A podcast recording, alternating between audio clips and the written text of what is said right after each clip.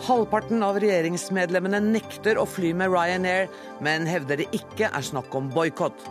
Politikerne prøver å være moralister for å score billige poeng, sier investor Øystein Straisbetalen. En god dag for alle som er opptatt av samferdsel, sa Marit Arnstad da hun la fram Nasjonal transportplan i dag. Nei, for igjen er det bilistene som får svi, mener Fremskrittspartiet. Politikere og eksperter diskuterer planen i Dagsnytt 18. Overgrep er ingen særlig katolsk synd, mener den katolske biskop Bernt Eidsvik, som hevder at pressen driver destruktiv journalistikk. En ren avledningsmanøver, svarer Aftenposten.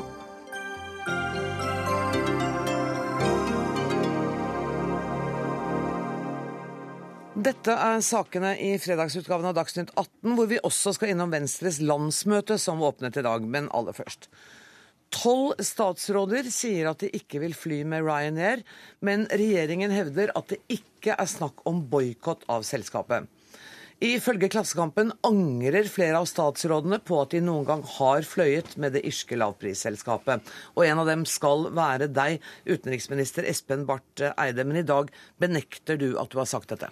Jeg har aldri blitt spurt om jeg angrer, eh, og jeg har aldri sagt at jeg angrer. Og jeg angrer ikke hvis du nå eh, spør. Det er noe NTB rett og slett har funnet på. Derimot så har jeg sagt at etter de eh, opplysningene som nå har kommet frem, med meget sterke anklager om at Ryanair bryter norsk lov, og at de skal være underlagt norsk lov, så jeg har jeg sagt at så lenge de spørsmålene er uavklart, så kommer ikke jeg personlig som privatperson, eh, eller for så vidt som eh, myndighetsperson, å reise med Ryanair. Men nettopp derfor er det så viktig at dette nå bringes eh, på det rene, og at Luftfartstilsynet nå går skikkelig inn i det, slik at vi vet om de opererer i tråd med norsk lov eller ikke. Der foregrep du mitt neste spørsmål, for det var nemlig et sitat av akkurat det utsagnet der. Men du, når tolv statsråder sier, og har vel omtrent samme holdning som deg, at så lenge det er uklarheter, så vil de ikke fly med dette. Og så sier dere samtidig at dette er ikke noen boikott. Mm. Men sømmer det seg en regjering at tolv eh, statsråder har en slags privatboikott av selskapet? Jeg mener at vi ikke har en eh, boikott eh, som regjering. Og jeg, ikke, jeg, anser ikke at jeg er med på noen boikott. Jeg har bare sagt at dette er svært alvorlige spørsmål som må bringes på det rene. og det er altså slik at Ryanairs ledelse mener at de kan ha at arbeidstakerne deres kan være registrert i Irland eh, eh, og sånn sett ligge under irsk arbeidsmiljølovning, selv om de faktisk bor og jobber på Rygge. Det mener vi er feil, og der mener jeg at vi har nå EU med oss, fordi EU har strammet opp regelverket for dette ganske nylig. Det kan se ut til at det som var lov før, ikke lenger er lov, og det er det vi ønsker å bringe klarhet i. Okay, Sånn at uh, sjefen for Ryanair, uh, Michael O'Leary tok rett og slett feil da han på Dagsrevyen sa at nettopp fordi det er et irsk selskap med en irsk hovedbase, så er det irske eh, lønns- og skatteregler som gjelder. Nå blir det jo da eh, sannsynligvis en rettssak på dette. Altså, det er to ting som skjer. Det er jo en tidligere ansatt som går til sak. Da får man belyst det i rettsvesenet. Og så kommer Luftfartstilsynet til å gå inn i det for å avklare dette. Det er veldig kompliserte forhold. fordi at dette er nettopp har å gjøre med en, et, et, spørsmål som blir stadig mer utbredt. Hva slags lov gjelder for hvilke land. Men etter, noe av det som er bra med EU-samarbeidet, er at det kan bidra til å avklare det. og fra første februar så er det et regelverk i EU som vi da eh, har sluttet oss til gjennom EØS, som sier at eh, det er der man starter og slutter reisen. Eh, at det er det landets arbeidsmiljølov som gjelder. Og da er det jo sterk grunn til å tro i hvert fall at arbeidsmiljøloven har vært brutt. Men dette vet vi jo ikke endelig, og derfor så ønsker vi å få dette avklart. Investor Øystein Strais Betalen, du har klart å hisse deg ganske kraftig oppover regjeringsmedlemmenes uttalelse om Ryanair. Du sier at eh, Michael O'Leary er en av dine favoritter når det gjelder eh, praksis i næringslivet. Ja, Det som jeg har hengt meg opp med, med politikerne, det er at de forhåndsdømmer et selskap. Det at det er mistanke om at det har vært snusk på arbeidsgiversiden her, det er en mistanke. Det er ikke noe dom som foreligger, og det er ikke engang kalt inn til rettssaken. Det er to udokumenterte påstander fra den ene og den andre siden. Man kan ikke oppfordre til boikott før det foreligger en dom. Altså, vi kan ikke, vi kan, jo, du sier at du boikotter det nå, tolv stykker. Inntil det foreligger dom, så vil de ikke fly med det. Og indirekte, når tolv stykker av regjeringen gjør det, så er det ganske sterkt signal at andre også burde gjøre det. Du sier også til Avista, at, uh, til E24 tror jeg det var, at uh, dine ansatte uh, selvfølgelig bruker Ryanair, og du oppfordrer til det. Ja, så Ryanair er jo et fantastisk selskap. Bruker du det selv? Ja, selvfølgelig. Og det er jo helt fantastisk å fly ned til Frankrike eller til varme strøk når du vil det, eller stå på ski i Alpene og du går av flyet og du vet at du har eh, snytt SAS statskontrollerte eh, selskapet for 20 000-30 000 kroner. Det som, men det som er helt utrolig i denne prosessen, det er jo følgende. Ryanair kommer fra Irland, et land som er i dyp økonomisk krise. Det er et av de få landene som har ekspansjon og ansetter flere og flere mennesker hvert eneste år. Folk ønsker å jobbe i det selskapet. I Ryanair i fjor så fikk, var det en generell lønnsøkning på 10% til de ansatte. Og de ansatte flere mennesker. Barth Eides selskap, som han kontrollerer, som heter SAS, de hadde 17% lønnskutt til sine ansatte, pluss at 6000 måtte gå. Det selskapet, det var den måten de drev på. Derfor skjønner jeg ikke, er ikke han, Burde han ikke boikotte SAS? som har 17 lønnskutt til sine ansatte, og ikke boikotte de som øker lønningen til sine ansatte. Og en ting til som er veldig usolidarisk, syns jeg. Han oppfordrer folk til å boikotte Ryanair. Hvis alle boikottet Ryanair, da ville selskapet gått konkurs. Disse ansatte kommer fra land i Europa hvor ikke det er andre jobber. Altså, jeg bare presisere, for at Utenriksministeren har vel nettopp sagt at han ikke oppfordrer til boikott av Ryanair, men han sier at for sin egen del vil han ikke fly med det før disse alvorlige spørsmålene er avklart. Hvis jeg tolker deg riktig. Ja, altså det, det, har aldri vært noen situasjon hvor det er aktuelt å reise tjenestemessig med Ryanair. Så i den grad jeg og andre har gjort det, har vi gjort som privatpersoner, f.eks. På, på ferie. da. Og da må jo jeg få bestemme hvordan jeg bruker mine private penger og hvilket selskap jeg Det er et personlig valg, og det mener jeg Spetalen er jo ganske god på. Han har mye mer penger enn meg, så han er vant til å bruke sine penger på det han vil. Men men, eh, mitt poeng er at jeg ikke, er ikke ute for å moralisere over andre eller si at folk flest burde boikotte. Det jeg er opptatt av, er at vi må sørge for at arbeidsmiljøloven, lover og rettigheter på arbeidsplassen skal gjelde i Norge. Og når det av og til kommer, eh, det problemstillingen oppstår, oppstår med internasjonale selskaper som opererer i Norge, så må vi jobbe sammen med andre land for å avklare disse spørsmålene. Forrige uke hadde vi møte i ILO i Oslo. Eh, og vi hadde jo også ILO-sjefen her i dette studio for få dager siden. En av de tingene han er veldig opptatt av, er hvordan nå noen selskaper spekulerer i eh, grensene mellom land, spekulerer i litt ulike lovgivninger, og så, og så blir det et slags sånn ras ned mot bunnen. Eh, og Der føler vi nå, med de opplysningene som nå har kommet fram, at Ryan er med. Det vil vi ha avklart. og derfor så, det, det standpunktet jeg har tatt for min private del, det har jeg inntil jeg vet svaret på det. det Derfor har jeg aldri sagt at jeg aldri vil reise med dem, men jeg vil vite om de følger norsk lov. Hvis de ikke gjør det, må de begynne å gjøre det, eller så må de slutte å fly. Men kan du ikke få den konklusjonen først, om de bryter norsk lov? Det som er utrolig, Ryanair det er et flyselskap som har hatet av alle. Alle hater det flyselskapet av konkurrentene. For alle hater flinke folk. KLM hater dem, Air France hater dem, SAS hater dem. Og de har vært utsatt for skittpakker og møkkapakker. Alltid. Men der opplever de ansatte lønnsøkning for en suksessbedrift. Jo, en lønnsøkning ifra hva da? Det har vært et ganske lavt eh, nivå på lønningene der. Ja, Hva, snitt, hva tror du snittlønn i Ryanair er? 25 000 euro, syns jeg han sa. Den er 35 000 euro. Okay. Er dette, er land, dette er mennesker som jobber i land hvor matprisene er 20-30% Hvor en bil koster 20-30 av i Norge. Det er et helt annet kostnadsnivå enn det vi har. Er... Hvorfor skal vi blande oss inn i de lønningene andre har? Det er jo frivillig å jobbe der. Mm. Men nå er det faktisk altså... ikke lønningene vi har vært opptatt av, Spetalen. Det er faktisk om de bryter arbeidsmiljøloven. Fordi at lønninger går opp og ned, og det er også viktig at folk har anstendig lønn. Men her er det snakk om brudd på klare krav i norsk arbeidslovgivning. Og det er også eh, et tilleggsforhold her. at Det er jo et selskap som vi nå ser helt systematisk er ute etter å hindre folk i å fagorganisere seg, f.eks. Her kan det også brutt noen grenser i forhold til hva vi kan tolerere i vårt land. Og dermed så tror jeg det vi kommer til å konkludere denne sekvensen med at Spetalen kommer til å fortsette å fly med Ryanair, og Barth Eide inntil videre ikke kommer til å gjøre det. Tusen takk for at dere kom, begge to.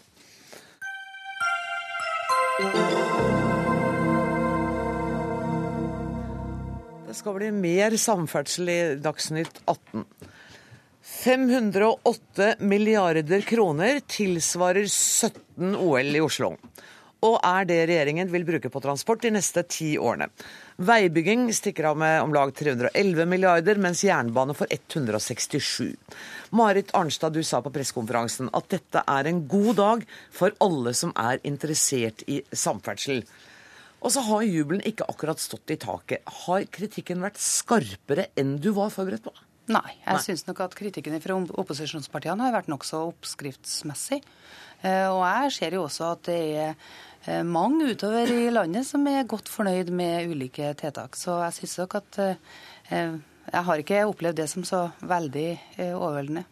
Hva er det, det du er mest fornøyd med i denne planen? Det er helheten. Altså, jeg er fornøyd med at det er en ambisiøs plan, det er jeg. Eh, og så er jeg opptatt av helheten, både den regionale fordelinga og fordelinga mellom transportformene. Og at vi klarer å eh, samla sett eh, møte en del av de viktige transportbehovene de neste ti årene. Ikke alle, fordi at behovene og forventningene er overstiger det, det du har mulighet til å gjøre i løpet av ti år. Men vi møter en god del av de viktige transportbehovene de neste ti årene. Og så gjør dere noe med finansierings... Skal jeg prøve en gang til? Finansieringsplanen på store veiprosjekter. Ja, vi må tenke mer på hvordan vi skal få mest mulig igjen for pengene i samferdselssektoren. Og da tror jeg både organisering, men også det å ha en forutsigbar finansiering, sånn at du får en rasjonell framdrift av prosjekt, er viktig. Derfor så legger det flere grep knytta til det. Finansiering, planleggingstida, eh, men også effektivisering i, eh, effektivisering i etatene. Og også det å Og gjennomføringen av arbeidet. Og gjennomføring av arbeidet. Eh, men eh, Høyre er jo skuffet over at dere ikke er, eh, går inn for OPS, mm. eller offentlig og privat samarbeid. Og Det har gått, kommet litt sånn flere pressemeldinger i dag hvor Høyre da sier at nå har vi lest den lille skriften, og dere går altså ikke inn på en finansieringsordning som er lik den Høyre foreslår likevel. Nei, Vi går ikke inn på OPS, fordi vi mener at OPS det binder opp statlig budsjett i 30 år framover i tid. Det er bare å skyve regninga framfor seg til dem som kommer etter deg. Så det er ikke noen friske penger som ligger der. Det er bare en måte å kjøpe vei på avbetaling. Eh, og jeg må si at jeg er veldig usikker på hvordan det borgerlige alternativet skal håndtere det, at Høyre og Frp er uenige ikke bare om OPS, men også om bompenger. Mm. Vi går til Sanner uh, først, og la oss holde oss til vei og OPS, eller offentlig og privat samarbeid. Uh, hvor skuffet er dere? Nei, Jeg har først lyst til å si at, eh, at det er mye bra også i denne oh. meldingen. Jo men, jo, men, ærlig talt. Eh, når det legges, frem en, en, når det legges frem en melding med så mange, mange milliarder, eh, så er det ikke troverdig hvis man bare går ut og, ut og slakter. Så Derfor så er det en, en, nyansert kritikk fra vår side, hvor vi sier at det er bra at man bevilger mer penger. Men så har jeg lyst til å legge til at det skulle da bare mangle. Mm. For når vi vet hvor store oljeinntekter Norge har, og at hele poenget med handlingsregelen i sin tid var at vi skulle bruke penger til å bygge landet, så må jeg si at det er på tide. Eh, det som har preget denne regjeringen, det er manglende gjennomføringskraft. Eh, hvor prosjektene eh, blir dyrere fordi at det går mye penger til organisering.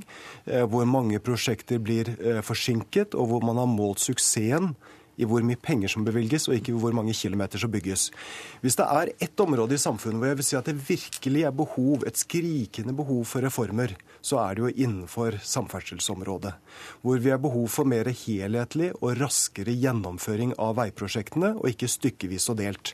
Jeg tror mange rundt omkring i landet kjenner seg igjen i veier hvor du har god standard, og så blir det humpete standard, og så blir det god standard. Vi er nødt til å få helhetlig utbygging. Men er det ikke det eh, Arnstad nettopp sier, at den nye tenkninga er effektivisering i saksbehandling, i gjennomføring, nye finansieringsplaner? Ja vel. Eh, når man leser den lille skriften, så blir det litt annerledes enn reklameplakatene.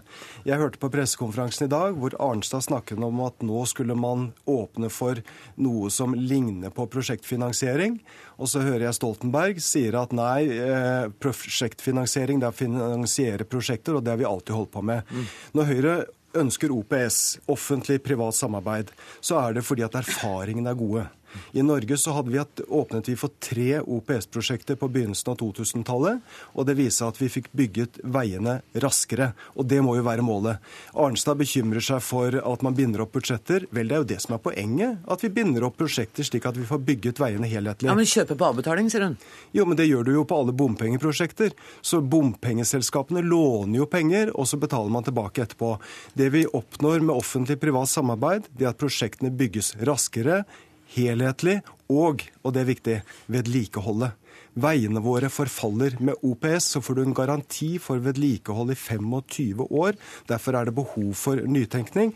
Og det er vel noe av min kritikk av regjeringens opplegg, at man ser for mye bakover og for lite fremover. Eh, både miljøvernministeren og samferdselsministeren skal få men jeg skal la liksom opposisjonen komme ordentlig til orde. Og Bård Hoksrud, eh, da jeg leste pressemeldingen fra dere, da var det ikke mye sånn velvilje og glede. Du sier at alle veier fører til bom. Ja, definitivt så gjør det det. Altså, før så førte alle veier til rom, Ja. nå fører de til bom. Og Det er jo bare å se på de forslagene som ligger her. og Dessverre så er det sånn at om man prater om OPS eller en halvveis prosjektfinansiering, så er begge deler. Det er penger på avbetaling. Det er, det er altså kjempedyrt for bilistene. Ja, det så din løsning er? Ja, Det er derfor Fremskrittspartiet sier at la oss gjøre som vi har gjort på Avinor. La oss gjøre som østerrikerne har gjort. Opprette et statlig selskap hvor vi tilfører egenkapital fra staten. Bruker altså oljepenger for å putte inn i disse statlige selskapene for å bygge vei og jernbane. Uten bruk av bompenger. Vi behøver ikke å låne penger i dette landet her. Vi behøver ikke betale skyhøye renter, som vi må gjøre med OPS eller prosjektfinansiering, eller sånn som regjeringa gjør nå med bompengeselskapene. Men Det er svindyrt Ja. måte å finansiere veibygging Men, på. men hver gang du er her, uansett hva temaet er, så snakker vi om bompenger av en eller annen grunn. Ja, Det er kanskje ikke så rart. Det kan hende det er derfor jeg blir invitert. For det er veier og, og bompenger og den type ting som er på temaet. Men er det, er det det eneste i denne planen du har festa deg ved, at det, at det blir mer bompenger? Nei, nei, definitivt ikke. Jeg syns at eh, det er en del bra og se- litt spennende på det med kollektiv. Men jeg, men jeg syns også at det er litt bekymringsfullt fordi vi vet lite hva de egentlig legger i den. Og min frykt, og jeg har hørt Bård Vegar Solhjell som miljøvernminister, han, vi har vært og debattert det her, og han sier liksom at det, det skal være opp til kommunene. Men det må være litt rushtidsavgifter, fjerne parkeringsplasser og gjøre det vanskeligere for folk. Fremskrittspartiet syns det hadde vært bedre å putte pengene inn, sånn som de gjorde i Stockholm. Så putta de 3 milliarder kroner inn i kollektivtilbudet, og så innførte de rushtidsavgift. Men de har ikke bompenger, så den er mye mye lavere enn det man har i Oslo. Men her ønsker regjeringa å pålegge storbyer eller, og byer ekstra problemer for bilistene og andre som er avhengig av bilen. Og det er det som blir helt feil. Vi må flytte folk fordi de har lyst til å flytte, og fordi de mener det er fornuftig å gjøre det. Jeg, jeg må la miljøvernministeren få lov å komme til ordet her. Altså fordi at Dere gjør altså ting for å redusere eh, klimautslippene på veiene. Samtidig så satser dere kraftig på eh, bygging og utvidelse av de store flyplassene. Ingen snakk om å arbeide for en reduksjon f.eks. av flytrafikken. Vi har lagt fram et klimagassregnskap i planen. Og det er mange enkeltheter som man kan si går den veien eller den veien, men det er jo summen som teller for miljø og klima. Ja. Og det her er en plan for å kraftig redusere klimagassutslippene i den perioden, og nå målene fra det som heter klimaforliket. Og det viktigste for det, det er det som skal skje i storbyene. Fordi om man bygger en vei i Distrikts-Norge der ganske få bor, så har ikke det så stor effekt. Men om du får folk til å kjøre mindre bil og ta trikk eller sykle eller gå eller buss i storbyene, så har det kjempestor effekt. Og så det vi gjør med å forbedre bilparken, gjør den mer miljøvennlig hjelp òg. Så det er en veldig miljøvennlig NTP som dreier transportbevilgningene den veien. Så kan jeg få svare Hoksrud om bompenger. Fordi, ja, men, hør da, det, blir, det er jo ikke vekst i årlige bompengeutgifter i den NTP. Det er omtrent det samme som i dag. Men det er vekst, altså. det er vekst derimot i de statlige pengene til vei og jernbane. Men så har jo han fra Hok- Hoksrud et problem. For hvis han skal fjerne alle bommer i Norge, så mangler han 100 milliarder kroner, han cirka. Han kan bare begynne å plukke ned veiprosjekter rundt omkring i Norge som folk i Norge ikke får godt av. Med mindre han klarer å overtale han fra Høyre om å gå bonanza på handlingsregelen. Og det tror ikke jeg han klarer å få til. Har du lyst til å gå bonanza på handlingsregelen sammen? de, de må finne ut av hva mener de. Nå har vi lagt på bordet tidenes satsing på samferdsel. Så kan de finne ut av om det skal den ene eller andre måten. Sanner først, og så Hoksrud. Ja da, og jeg tror at de borgerlige partiene kommer til å, til å bli enige. Jeg har jo forhandlet med Fremskrittspartiet før når det gjelder både budsjett og når det gjelder samferdsel, og vi kom frem til, kom frem til gode, gode løsninger. Eh, Jeg registrerer at Fremskrittspartiet er veldig imot eh, bompenger. Jeg er heller ikke noe glad i bompenger. Eh, På ingen måte. Eh, Men jeg Men du klarer å snakke om noe annet. jo. Jo, jo, men altså, Poenget mitt er at, eh, at, jeg, at jeg mener at av og til må vi akseptere det for å få bygget veiene. Eh, Når det gjelder miljøkravene som ligger i, i NTP, så må vi gå dypere inn i det. Jeg registrerer at Oslo i dag har sendt ut en bekymringsmelding at man frykter at disse kravene vil føre til en reforhandling av hele Oslopakke 3-pakken. Eh, la meg ta ett eksempel. På Fornebu så bygges det nå en by på størrelse med Lillehammer. Man har i årevis ventet på finansiering av bybane ut dit. Det venter man fortsatt på. Nå vil da regjeringen begynne å stille nye krav for, at, for å få finansiering til den, den veien, eh, til den jernbanen. Jeg mener at den hadde bare vært å bygge. Sørge for god kollektivtransport ut til eh, Fornebu ville vært, vært riktig. Og hvis man nå skal begynne å stille krav om, om uh, reforhandling av Oslopakke 3, hva er det man da skal reforhandle? Det som ligger i regjeringens forslag, det er E18 fra Lysaker til Ramstad. Det er en bitte lite stykke som nå skal, skal bygges ut. Man viser ingen vilje til å prioritere det. Mange av prosjektene skyves nå ut av kommende tiårsperiode og over til neste tiårsperiode. Du kunne tatt E39 på Vestlandet som et annet eksempel, hvor det bare er ett av åtte prosjekter som vil ligge i kommende tiårsperiode. Vi frykter at veldig mye skyves veldig langt ut i tid. Nei, nei, nei, Men nå, nå, tror jeg Marit Arnstad må få lov å slippe ja, det litt. Det, er ditt havområde, dette her. Det siste som uh, Sanner sier nå om, om Vestlandet og E39, der snakker han jo mot bedre vitende. For det første så Han ljuger, det er det, han, det du sier nå? Jeg sa ikke det, jeg snakka mot bedre vitende. Men altså, han snakker om et, det er et ferjeavløsningsprosjekt i denne planen her. Og så er det en rekke utbedringer på veien imellom bruene. Og så er det sånn at de bruene som gjenstår, det er ikke sånn at de er fiks ferdige og kan prioriteres inn i planen uten videre. Der ligger det planleggingsmidler til videre planlegging av de krysningene. Og det vet Sanner veldig godt. Ett av åtte, ett av åtte Ja, men det, har, det, det, må ikke gi inntrykk av at verken Møreaksen eller Hordfast er klart å startes opp, for det er de altså ikke. Sånn at det har vi vært åpne på hele tida, hele tida at det er ett ferjeavløsningsprosjekt. Og så er det en rekke utbedringer på veien imellom bruene. Og de bilene som skal kjøre på E39, skal også kjøre den veien imellom bruene, da. Bare så det Når man har lovet fergefri E39, så tror jeg nok mange har, har, har trodd at dette skulle komme relativt raskt. Men, men, nå, men nå skyves jo da syv av åtte prosjekter. Det skyves ingen da... prosjekt som skyves i forhold til planleggingsfasen. Alle jo planlegges for fullt. Helt etter Jeg må bare få lov å svare på det med bompenger. Okay, fordi de, de prøvde seg på det. Ja, og, og vi tar bompengene en gang til. Ja, jo, men fordi, fordi, at de prøver å si at det, akkurat, det kommer ikke til å bli noen mer bompenger enn det det er nå. Nå er det altså sånn at det er 100 milliarder som bilistene skal betale i bompenger de neste åra på bompengeprosjekter som denne regjeringa har satt i gang. Så kommer altså 9 milliarder til, opp, 9, 97 milliarder til oppå det igjen. Det er klart at da blir det mer for bilistene. Mye mer enn det det er i dag. Eh, men jeg syns at det denne regjeringa burde svare på, og som de ikke har svart på i dag, det er forfallet på fylkesveinettet. Fordi de har tatt bort en ordning med 2 milliarder kroner som fylkeskommunen får lov å låne, låne, opp for å ordne opp i fylkesforfallet. Men den har de nå tatt bort. Men de har tilført de, de samme pengene. Så det er akkurat like mye penger, men det blir mindre penger til å rydde opp i forfallet. og det er mange opptatt av. Jeg skal snakke om veivedlikehold med statsråden etter at dere har gått med Solhjell. Altså, 97 milliarder pluss 100, det er nesten en dobling, det, hvis det er riktig det Hoksrud sier. Jeg, må få svare på det med byene, synes jeg nå nesten som Sanne tar opp, for okay. det er viktig. Husk, eh, storbyene kan i dag glede seg over en enorm økning i bevilgningene til kollektivtransport der, der staten har tatt for lite ansvar før. 26 milliarder i en pott. Og et forslag om å inngå bymiljøavtaler, der de får premiering for god transportpolitikk for befolkningen sin. Kan få store eh, penger til bybane i Bergen og, og T-banetunnel i Oslo osv. Hvorfor kommer det? Jo, Det kommer på bakgrunn av et forlik som alle vi unntatt Fremskrittspartiet inngikk for et år siden, klimaforliket. Der står det at veksten i persontrafikk i storbyene skal tas med kollektiv, sykkel og gange. Mm. Skal vi få til det, så må vi klare å bli enige om avtaler om at vi faktisk skal følge den politikken og gi penger etter det. Det er litt overraskende synes jeg, at Jan Tore Sanner og andre nå faktisk er imot et forslag med å inngå en avtale om det målet som må til. Sanner, svar kort på det, så skal vi ta bompenger. Men vi må òg tørre å stille krav til en annen politikk. Men du, hold fast på tanken om bompenger, for vi skal tilbake til den. Og Sanner, ja, og, ja, og det er derfor Solhjell ikke må si at jeg avviser eller går imot. Jeg har sagt at det er kommet bekymringsmeldinger i dag fra bl.a. Oslo, at man frykter at eh, her ligger det krav om, om reforhandling. Jeg syns det er bra at man stiller krav om miljø, men vi må også legge til grunn at byområdene kommer til å oppleve en stor befolkningsvekst fremover.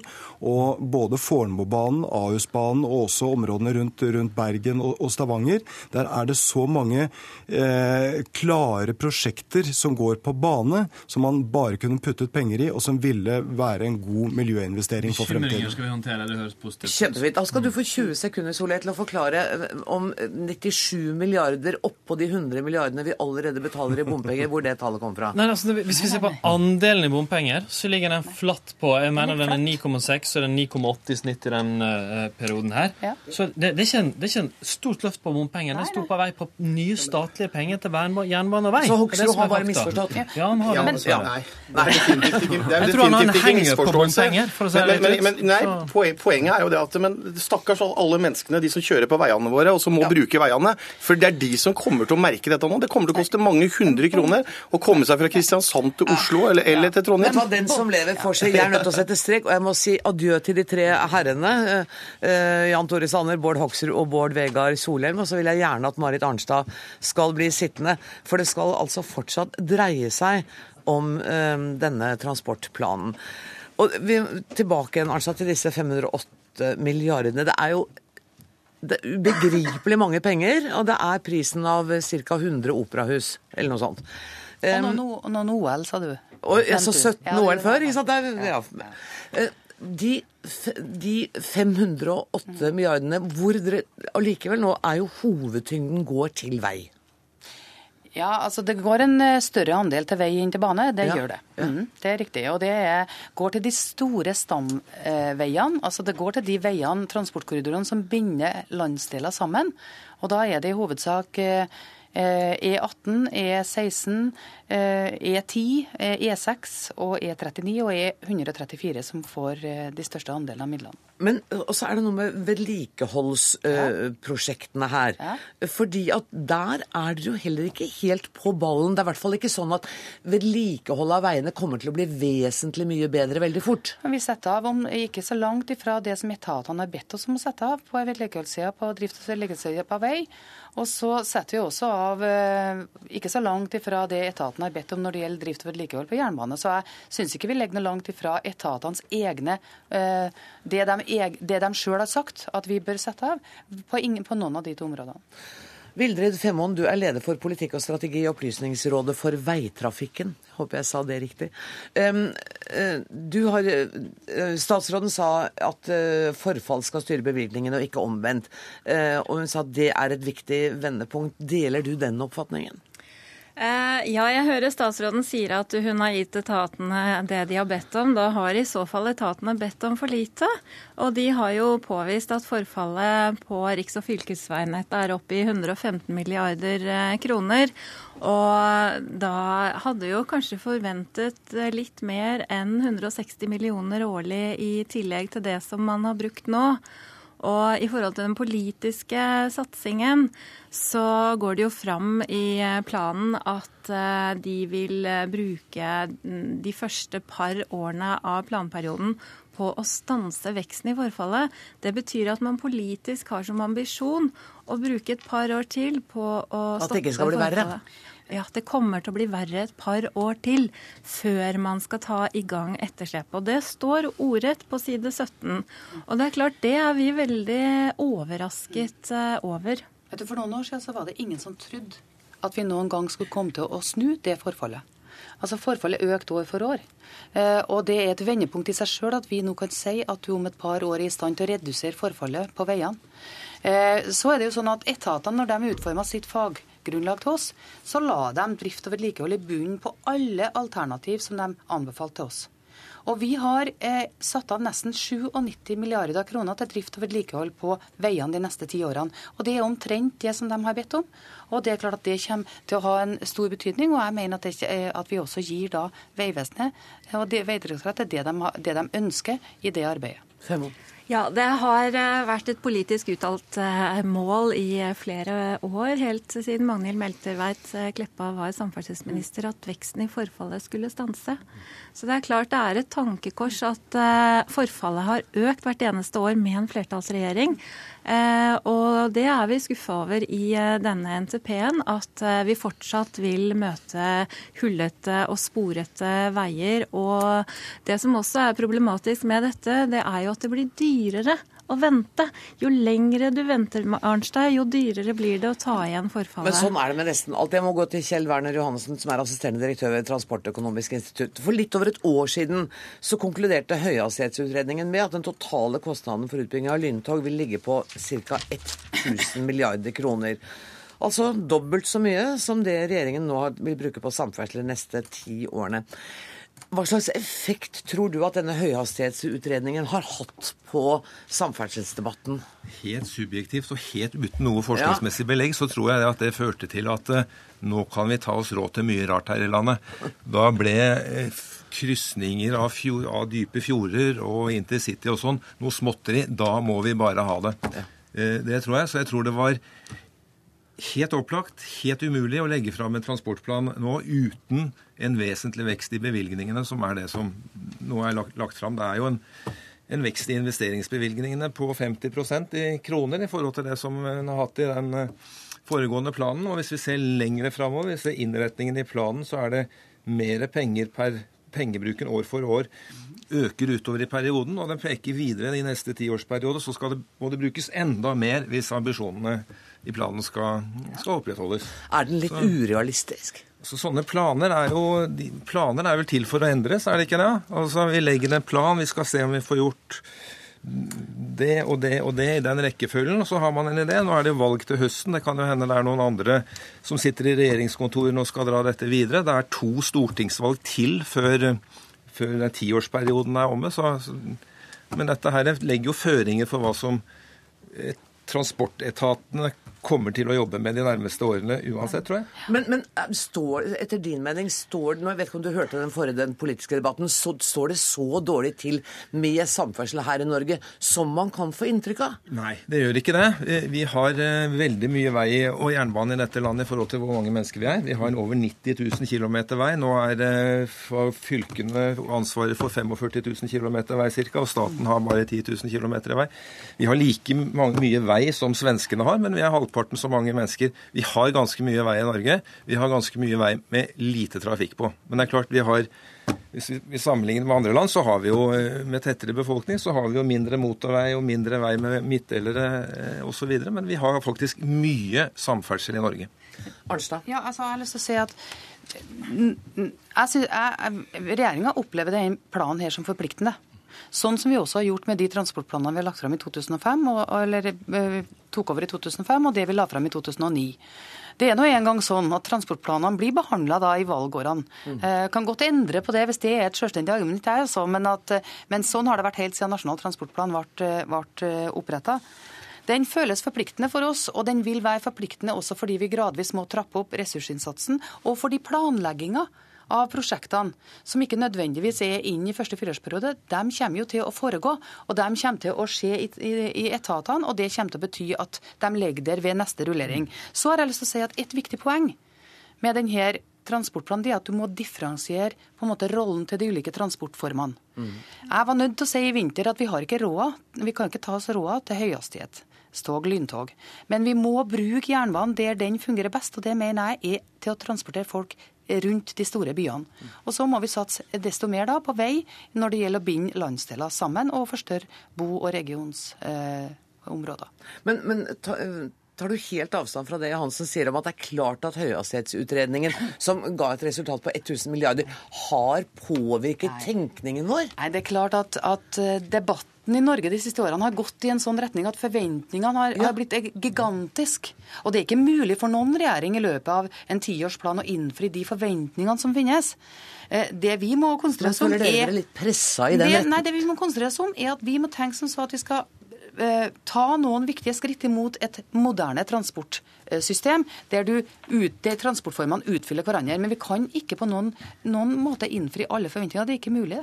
Men tror du at denne planen, sånn som, i hovedtrekk, da, sånn som den nå foreligger, vil bli realisert i løpet av de neste ti år? Ja, Med utgangspunkt i det vi har gjort de fire siste årene, det vi har ført opp forrige Nasjonal transportplan år for år gjennom bevilgninger, så tror jeg at en skal ha forventning om at vi kommer til å gjøre det også i neste periode. Og da vil du også i planleggingsmessig har kommet eh, på et sånt eh, eh, stadium at du vil, også nye prosjekt vil komme inn. Johansen, tror du er, er det riktig realistisk, dette Jeg tror det, jeg tror det er veldig vanskelig. Altså, nå, nå, er det mange prosjekter som er planlagt og under planlegging. Så sånn at det er jo, Som Arnstad vel var inne på, så er det en forutsetning for å få, få vei. Det er at man har hatt dem i pipeline i planprosessen noen år. Og der begynner jo tilstanden å bli bra i, i, i, i landet nå. Så jeg tror Uansett hvem som vinner de neste valgene og hvem som sitter i regjeringen, så vil nok mye av dette her gå denne veien. Og det tror jeg blir veldig vanskelig å snu noe av dette her. Gjøre ting veldig annerledes på de nærmeste fire årene i hvert fall. Så, så det er rett og slett en milepæl i dag, da? Ja, det, det syns jeg. For, uh, syns i hvert fall statsråden. Tusen takk for at dere kom. Takk til Marit Arnstad, takk til Vildrid Femoen og takk til Kjell Werner Johansen. Inn i studio kommer kollega og politisk kommentator her i eh, NRK, Magnus eh, Takam. Du har fulgt både pressekonferanser og sikkert lest mye av planen i dag. Det har liksom, det, det, står Høyre og Fremskrittspartiet sier at ja, det er mye bra, men vi er også dypt skuffet. Statsråden sier at dette er den største satsingen på, på samferdsel noen gang. Altså, hva, hvor er, hva er riktig her? Altså, en, en, god del av dette er jo uh, valgkamp, selvfølgelig. Og uh, opposisjonen utnytter jo naturlig nok den skal vi si, manglende troverdighet det sittende regjering uh, har hatt på samferdselspolitikk, hvis vi ser dette langt bakover. Det er misnøye med samferdselssektoren. Det er store krav ute og går, og, og da vil de selvfølgelig prøve å snakke mest mulig om det som ikke er bra, mens da eh, de rød-grønne vil se framover og presenterer en svær pakke. Og eh, ingen, heller ikke i opposisjonen, er jo uenig i de enkelte prosjektene, E39, intercity og, og satsing på byer osv. Så, videre. så eh, Alle er for det gode, liksom? Ja. Så det blir, en, det blir i valgkampsammenheng en snakk om hvem som har skal vi si, høyest troverdighet i forhold til, til dette feltet. Og en del av debatten som dere har vært innom, dreier seg om finansieringsmodeller og prosjektorganisasjon osv. Der eh, høyresiden vil hevde at de rød-grønne tenker gammeldags og liksom ikke får den eh, framdriften som, som, de hevder å ha funnet svaret på. Men vil det være opposisjonen som har mest å tjene på å kjøre samferdsel som et valgkamptema? Eh, altså Opposisjonen leder jo eh, i, i, meningsmålingene uansett. Så jeg tror nok at eh, denne planen måtte jo komme uansett, uavhengig av valgkamp osv. Men jeg tror nok de rød-grønne har satset voldsomt på å også bruke eh, Nasjonal transportplan i, i den politiske um, valgkampen framover. Eh, både regionalt Vestlandet. Det var et massivt krav fra Vestlandet om å få E39. Man kunne ikke unngå å levere i hvert fall en ambisjon om det.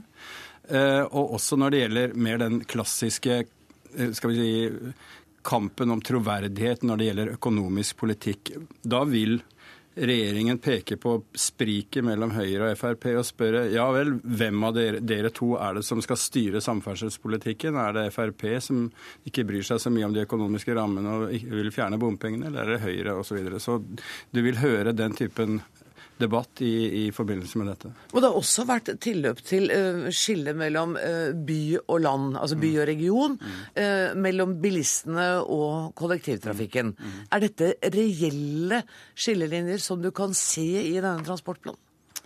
Jeg vil jo si, altså, Det preges jo av kompromisser der man ikke har tatt et entydig valg mellom en reindyrka miljøprofil i samferdselspolitikken. Hvis man hadde gjort det, liksom, og hatt det som fane, så ville man dempet eh, en god del av veiutbyggingen og motorveiutbyggingen og satset uh, annerledes.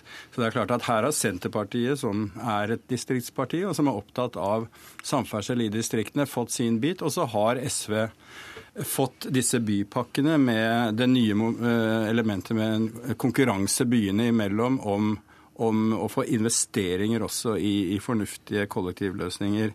Sånn at de mest eh, skal vi si, militante miljøaktivistene sier jo at regjeringen ikke har greid å prioritere og eh, gi litt til alle her. Mm. Tusen takk for at du kom, Magnus Takvam, politisk kommentator her i NRK. Hør Dagsnytt 18 når du vil, på nettradio eller som podkast. nrk.no – dagsnytt 18.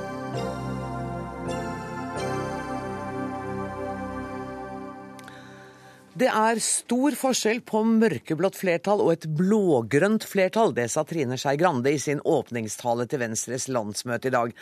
Trine Skei Grande, gratulerer med åpningen av landsmøtet. Takk for det. Det var kjempegod stemning, og det er trivelig å være her. Du, Jeg så litt av det på TV, og det var altså Det var stående applaus, og det var plakater, og det var Ja. Um, kommer landsmøtet til å fortsette sånn? Nå skal vi ha programbehandling, og da blir det nok noen tighte voteringer og noen tøffe diskusjoner òg.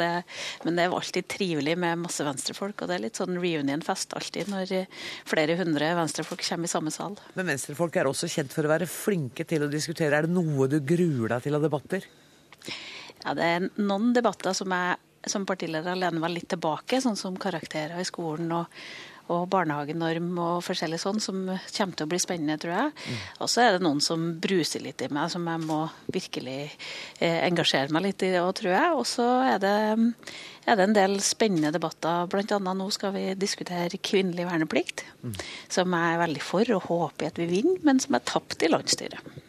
Du, eh, Tilbake til talen din. I dag eh, gjorde du litt for å markere forskjellen mellom en mørkeblå og en blågrønn regjering. Men heller ikke i dag var du, så vidt jeg kunne oppfatte, tydelig på om Venstre kan samarbeide med Frp eller ikke. Ja, det vi har sagt, det er at Hvis det blir et nytt flertall, så skal det være en ny regjering. Og da må vi samarbeide, vi partiene som, som da sitter i det, i det nye flertallet. Og så har vi sagt at når det gjelder regjering, så ønsker vi en regjering med Høyre, KrF og Venstre. Og så får vi se om vi kan lage budsjettet eller samarbeide på annen måte på borgerlig side. Men på den målinga som er lagt fram i dag, så er det bare én stemme i Stortinget om å gjøre på at disse tre partiene faktisk har flertall. Så vi driver selvsagt kampanje for at vi skal få gjennom mest venstrepolitikk, og det tror vi at vi får med i den konstellasjonen. Mm. Men det er altså en meningsmåling, ikke et valg, det som er offentliggjort i dag. Det er jo litt påfallende. For fire år siden så var dere hardnakket på at Venstre var garantisten mot at Fremskrittspartiet skulle komme i, med regjeringen. Og så, nå, fem måneder før valget, så er det ikke så sikkert lenger. Ja, Vi har et enstemmig vedtak vi fra landsmøtet herfra for ett år siden, som vi har hatt og som vi kommer til å holde på. Og det handler om at Vi brukte veldig mye av den forrige stortingsvalgkampen til å fortelle hva vi er imot. Jeg har lyst til å fortelle hva det er vi ønsker å få til, hvilken miljøpolitikk vi ønsker å få til. Vern av Lofoten Vesterålen og Ytre Senja når det gjelder oljevirksomhet. Vi har lyst til å få til en skolepolitikk som endrer og som gjenreiser respekten for læreryrket. Og jeg vil snakke om de sakene istedenfor å snakke om hvem det er vi er imot. Og disse sakene opplevd... tror du at dere kan få gjennomslag for i en regjering med Høyre og Kristelig Folkeparti? Selvfølgelig tror vi det. Og det vi også, som er utfordringa her, er at vi nå i åtte år har sittet på Stortinget, og alt absolutt alt vi har foreslått, har blitt stemt ned på autopilot av den rød-grønne regjeringa. Og det er jo sånn at vi driver politikk for å ønske å få gjennomslag. Og da må vi samarbeide, og da har vi sagt hvem det er vi ønsker å samarbeide med for å komme i mål. Trine Skei Grande, tusen takk for at du tok deg tid til å være med i Dagsnytt 18. Og så får du fortsette denne reunion-festen din. Den varer jo hele helga. ja, det blir kjempegøy. Det er jeg helt sikker på. Det blir noen tøffe debatter, men så skal vi ha det hyggelig sammen òg.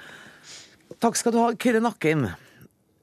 Uh, hva var det Trine Skei Grande forsøkte å markere i åpningstalen sin til landsmøtet? Jeg sa at hun forsøkte å markere forskjellen på en, mørke, en blå regjering og en blå-grønn regjering. Men kan ikke du si litt mer om hvor de skillelinjene går hen? Jo, eh, det er slik at eh, Hvis vi får et eh, borgerlig flertall, så er jo alle de borgerlige partiene enige om at vi trenger en ny regjering. Der, men der stanser også enigheten. Eh, og Da blir spørsmålet hva slags regjering skal eh, landet få. Og Det Trine Skei Grande tegner et bilde av nå, er at førsteprioriteten hennes det er jo selvsagt at hun kommer i regjering sammen med Kristelig Folkeparti og Høyre. Og så vil hun egentlig ikke prate så mye om de andre alternativene som ligger der. Men men hvis man hører etter på de signalene som kommer, så kan du høre at hun også tegner et, en, markerer en avstand til Fremskrittspartiet gjennom å peke på noen viktige politiske områder. Hun uh, nevnte egentlig tre områder hvor hun var ganske kategorisk og sa at her må det ny politikk til. Her vil ikke Venstre gi seg. Og Det er altså Lofoten, Vesterålen og Senja. Det handler om uh, asylbarn og deres rettighet til å bli i Norge. Og det handler om handlingsregelen. Og Alle de tre punktene er hun da uh, uenig med Fremskrittspartiet. Så, så, problemet her er, blir hva skjer da, hvis Venstre så vidt sniker seg over sperregrensen og sammen med Kristelig Folkeparti ikke får så, så mange stemmer at de kan ha kraft til å gå inn i denne drømmeregjeringen. Og, og Det er der all spekulasjonen starter. og for andrevalget til, til Venstre er, slik jeg forstår det, det er da en Høyre-aleneregjering som de kan samarbeide med. Hvor realistisk og, er det, da? det kan være en realistisk eh, situasjon hvis, hvis eh, Venstre og KrF eh, ikke gjør det så spesielt bra, og, og, og, og, Fremskrittspartiet heller ikke gjør et så strålende valg at de kan presse seg inn i regjering. Så kan det være et alternativ. Men for Venstre så kan det være så slik at bordet fanger.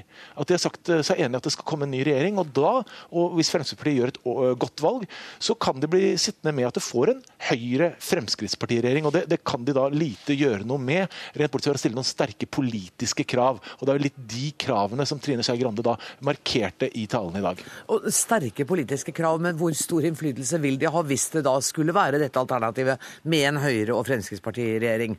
Ja, det, det, blir vanskelig å, vite helt klart, fordi det, det, er mange alternativer her. Men, men så lenge Trine Skei Grande sier at vi skal ha en ny regjering, mm. så, så, så, så, fanger jo bordet. og Da må hun kanskje akseptere at den regjeringen kommer. Men den vil jo leve veldig farlig, en slik Høyre-Frp-regjering, en blå-blå regjering, hvis den ikke tar hensyn til, til, at den må støtte fra sentrum. Eh, man kan tenke seg at man kan gå inn en avtale på forhånd. Jeg vet at uh, mange i Høyre drømmer om det. Mm. At de gir Lofoten, Vesterålen, uh, Senja til, til Venstre. og og så må da de akseptere en sånn blå-blå regjering i tillegg. Eller, men, mens på andre områder så kan det ikke gi så mye. Eh, jeg eh, heller vel mot at, eh, at Venstre vil akseptere en regjering, at slik regjering kommer, men vil stille seg da lagelig til, slik at den kan ta og felle en slik regjering ganske raskt også, hvis den provoserer for mye.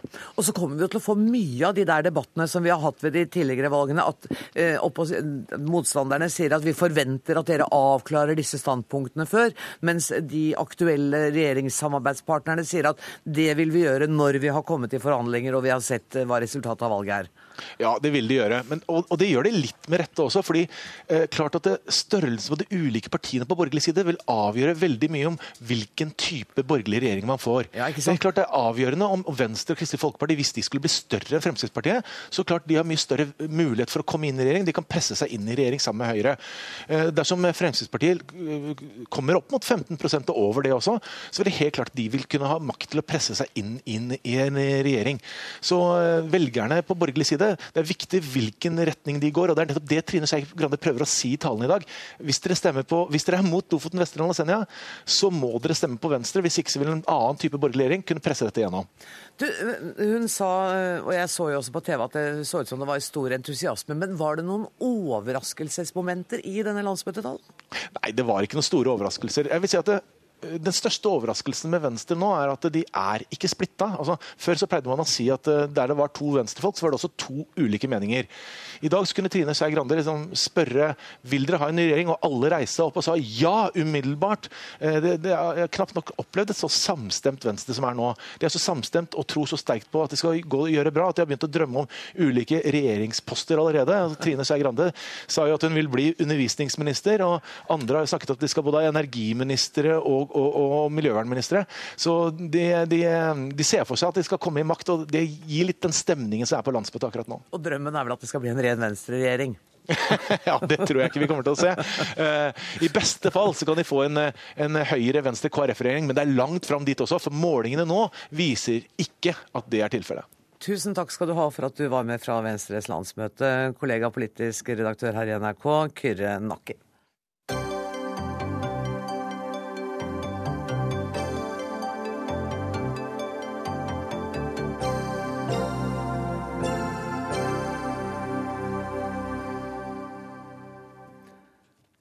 Overgrep er ingen særlig katolsk synd, var overskriften på en kronikk av den katolske biskopen Bernt Eidsvik i Aftenposten onsdag. Han er uroet over at mediene i forbindelse med pavevalget har trukket fram overgrepssakene i den katolske kirke. Biskop Bernt Eidsvik, velkommen hit. Hvorfor er du uroet over norsk presse? Jeg er ikke uroet over at de skriver om overgrepssakene. Der tror jeg pressen har en stor fortjeneste. De har konfrontert oss med dette ondet og tvunget oss ut av eh, en slummer som nok varte for lenge. Eh, så det er ikke det som er problemet. Men dette, eh, disse overgrepssakene ble trukket frem dag efter dag i en måned. Og uansett hva man sa om den katolske kirke, så kunne man være sikker på at det første stikkordet var overgrep. Og det var i forbindelse med, med pavevalget. Og eh, jeg vil jo si at Kirken har gjort hva den har kunnet for å rydde opp i regelverk og prosedyre, og det har da heller ikke vært kritisert. Så det man kritiserte, lå jo i fortiden og ikke i nåtiden, i hvert fall så jeg, slik jeg oppfattet media. Men pga. mengden av kommentarer på dette, så ble det jo folks bevissthet trukket frem i nåtiden. Men du skriver altså at uh, vi journalister er for lite opptatt av den, vår journalistiske ære. Uh, ja, det var vel Der nevnte jeg noen eksempler. altså At, at de, de, var at de, de skilte ikke mellom fortid og nåtid. Men det må jo være lov å skrive om og omtale de overgrepssakene som har vært, og som det har tatt urimelig lang tid for Kirken å rydde opp i. Eh, Kirken er en stor organisasjon, eh, men jeg er dessverre enig med deg. Mm. Eh, jeg har ikke noe imot at de skriver om overgrepene, men foranledningen var jo virkelig et pavevalg, og poenget med at det faktisk er ryddet opp, gikk under. Mm. Jeg ser også virkningen hos våre unge. Eh, og hos, mange voksne også. Jeg tror vi nådde en smertegrense. Man kunne ikke gå noe sted uten at folk spurte oss skal dere ikke endelig begynne å rydde opp i overgrepssakene. Eller små barn hører på skolen av sine lærere at overgrep mot dere blir tolerert i den katolske kirke. Har du møtt foreldre som har fortalt dette? Ja, også barn. Og også barn? Ja. Hva svarer du da? Ja, Det kommer an på hvilke spørsmål de stiller, men jeg, jeg sier at dette, dette, er ikke tilfellet. Men, men, det har vært ting før som vi har grunn til å skamme oss over. Per Anders Madsen, redaktør og kommentator i Aftenposten. Dere svarte Eidsvik i Lederen i dag under tittelen 'Den katolske kirkes avledningsmanøver'. Hvordan er det det? Jeg, vi starter jo den lederen med å på mange måter godtar noe av den mediekritikken som Eidsvik kom med. Altså, jeg vil jo si at uh, hvis jeg skal snakke om journalistisk ære, så hadde det vært en fordel om norske medier mer jevnlig og mer systematisk dekket den romersk-katolske kirke. Ut fra den størrelse og viktighet. Mm. Men jeg kjenner meg ikke helt igjen i den beskrivelsen Eidsvik gir når det gjelder dekningen nå i forbindelse med pavevalget, fordi det var veldig mange andre ting Eh, som dominerte dekningen fra midten av februar, da eh, den sensasjonelle hendelsen inntraff, at eh, den daværende pave trakk seg, abdiserte, og den måneden som da gikk før vi fikk en ny, ny pave. Det var spørsmål om bakgrunnen for hva som skjedde, spekulasjoner om hvem som ville komme, betydningen av at det kom en pave fra et annet kontinent, og mange andre ting enn akkurat dette med overgrep vi skrev om. Men, men overgrepene var også der. Ja. Men hvordan reagerer du da på når, når biskopen sier at dette er ting som ligger langt tilbake i tid? Det ligger ikke bare langt tilbake i tid. Altså En del av de rapportene som er kommet på 2000-tallet, eh, i Irland f.eks., så eh, har jo den katolske kirken selv eh, gitt rapporter hvor det framgår at prester i eh, enkelte bispedømmer har beskyttet overgripere eller fortiet disse hendelsene helt fram til 2004. Mm. Det er ikke så forferdelig mange år siden. Eidsvik har selv understreket flere ganger, hvilket vi har berømt ham for i våre spalter, at her kan det ligge store mørketall.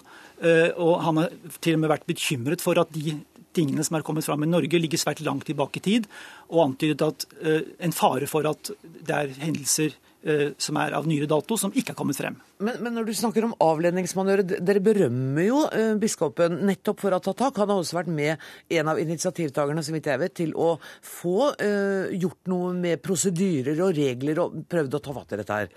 Begrepet avledningsmanøver er brukt i den lederen fordi en god del avsnitt i den kronikken går ut på å påpeke at dette er et allment problem, som også preger andre organisasjoner. Og det, det er, gjør det jo. Det gjør det jo. Eh, eh, eh, men det er en risikabel strategi. Når hvis man er opptatt av hvilket inntrykk dette skaper utad, så er det en risikabel strategi ut fra når vi vet hvor dominerende og hvor stort dette problemet har vært, og hvor dominerende det har vært i allmennhetens hva skal jeg si, oppmerksomhet rundt den katolske kirken, så er det vanskelig å unngå at det skapes et inntrykk av at problemet relativiseres, alminneliggjøres, nærmest blir et slags mannsproblem og ikke, eh, ikke, at man ikke i større grad eh, fortsatt, tror jeg, må eh, åpne for at det er strukturer og miljøer innad i Kirken som kanskje gjør Kirken spesielt utsatt for disse problemene. Eidsvik, det er et poeng? Det er absolutt et poeng. Men jeg nyanserte litt bedre enn jeg blir gjengitt, tror jeg. Okay. Og jeg sa heller ikke at dette var bare saker som lå langt tilbake. Men tyngdepunktet av sakene ligger 20-50 år tilbake. Eh, Det gjør jo ingenting bedre. Eh, Men jeg vil ikke si at det var en avledningsmanøver fra min side. Det er en forsvarsmanøver. For jeg har jo et åndelig ansvar for våre katolikker. Og jeg, jeg tror det var riktig av meg, eh, også under hensyntagen til det Madsen nå sier, å, å si at smertegrensen er faktisk nådd. Og ikke det at det som skrives er usant. Men mengden av det og gjentagelsen av det har en virkning som ikke er tilsiktet. Og det skrev jeg også. Jeg tror ikke denne virkningen, at dette er tilsiktet, men det blir sånn. Men ber du nå om at man slutter å skrive om disse kjente sakene? Nei, Det må pressen avgjøre selv. Ja, men Du sier at smertegrensen er nådd. Ja, men Hva er dette er mitt hensyn? signal til pressen. Hvordan de takler det, skal ikke jeg diktere dem. Et annet poeng er jo også våre prester, som føler seg svært uh, utilpass med, med det bildet som dannes. eh, ikke på en direkte insinuasjon, men eh, på, en, på, på eh, frekvensen av, av dette, av at de er mulige overgrepsmenn. Altså, jeg vet at mange føler seg veldig lite tilpass med det. Jeg ser Aftenposten skrev jo til og med en artikkel om institusjonaliserte overgrep i den katolske kirke, og det er ganske sterke ord. Og jeg kunne ikke finne noen begrunnelse for en sånn formulering. Madsen? Ja, akkurat den formuleringen Den skal du slippe å forsvare, for den er ikke, den er ikke du som har skrevet. Men, men er det eh, Nå sier biskopen at man har nådd en, en smertegrense. Hvordan forholder dere dere til det budskapet fra Nei, biskopen? det, Dette er et signal som, eh, som, vi, som vi tar eh, til oss. Når man hører historier om at det kommer barn hjem og forteller at, at de altså er del av et miljø hvor dette blir akseptert, og sånne ting, så er det klart at det er noe vi må ta til oss. Jeg tror, eh, jeg tror likevel at det er svært viktig i en lang periode fortsatt å gå og, og innse at Kirken må ta dette veldig alvorlig, og at det er viktig for ofrene at det er fortsatt oppmerksomhet på det. Fordi all erfaring tilsier når det gjelder den type problemer, den type overgrep, vold i nære relasjoner, at det er lettere for andre å stå frem med sine historier når, når det er oppmerksomhet i det, om det i offentligheten. Der står der denne balansen mot altså hensynet til barn som opplever en stigmatisering fordi de er katolikker, og hensynet til dem som faktisk har vært utsatt for overgrep. Ja, og øh, Så langt så mener jeg det har vært riktig av mediene og pressen å ta hensynet til ofrene. Eh, ja, Altså, jeg er enig om i at hensyn til ofrene skal gå foran de andre hensynene. Mm. Jeg er så enig i det andre du sier, bare for å presisere det. Men, men Eidsvik, eh, pressen har vært åpne om dette. Eh, det har vært snakket om det på sosiale medier. Eh, hvordan har dere vært åpne om dette, og om de problemene som dette er i Kirken? Altså, man kan jo ikke legge ut konkrete saker. Nei, Men kan vi dere snakke det- om problemene? Vi kan snakke om problemene. Vi legger ut vår, eh, vårt regelverk, og vår prosedyre er tilgjengelig for alle. Eh, Vi svarer på hvor mange saker eh, vi måtte ha. Men snakker du med menighetslemmer om dette? Ja da. Altså jeg, Da det sto på som verst i 2010, det er jeg som konfirmerer stort sett i alle menighetene, så snakket jeg til konfirmantene og deres foreldre helt bevisst om disse sakene. For, for, eh, for å hjelpe dem igjennom noe som var en påkjenning for veldig mange av dem. Du, du, For å ta ett eksempel, da. Du har jo også sagt at pave Benedikt uh, var en sterk uh, mann som ville ta et oppgjør med det. Har du en forventning til at uh, den nåværende paven Francis kommer til å gjøre det òg? Han fortsetter å ta et oppgjør. Det, det har jeg en veldig klar forventning om. og si Min skuffelse vil være dyp hvis, hvis ikke det skjer. Eh, Men han har jo vist god tone fra begynnelsen av, så jeg, jeg håper jo de, de fortsetter. Men det vil jo alltid være, og det, det har jeg jo lest også, at spørsmålet er jo om, det er, om den nye paven kan forandre eh, de gamle reglene, eller om han blir spist av tradisjonen og forhistoriske regler. Og du sa jo selv at kirken er stor, mangfoldig, reglene er mange. Når kan vi vente at det skjer noen ting? Ja, det er jo skjedd. Altså, det er ingen som i pressen så vidt jeg har sett, som har kritisert det gjeldende regelverket eller det gjeldende prosedyre. Så jeg vil si at akkurat det kapitlet uh, er redigert og ferdig. Eh, Spørsmålet er om det blir anvendt, og, og anvendt konsekvent. Og at eh, en, en kultur med å dekke over og tilsløre at, at den ikke tolereres på noe sted, eller noe punkt. Tusen takk for at dere kom til Dagsnytt 18, biskop Bernt Eidsvik og redaktør i Aftenposten Per Anders Madsen. Dermed er ukas siste Dagsnytt 18-sending over. Ansvarlig for sendingen i dag var Kari Li. Det tekniske ansvaret har Lisbeth Sellreite. Jeg heter Anne Grosvold. Takk for nå.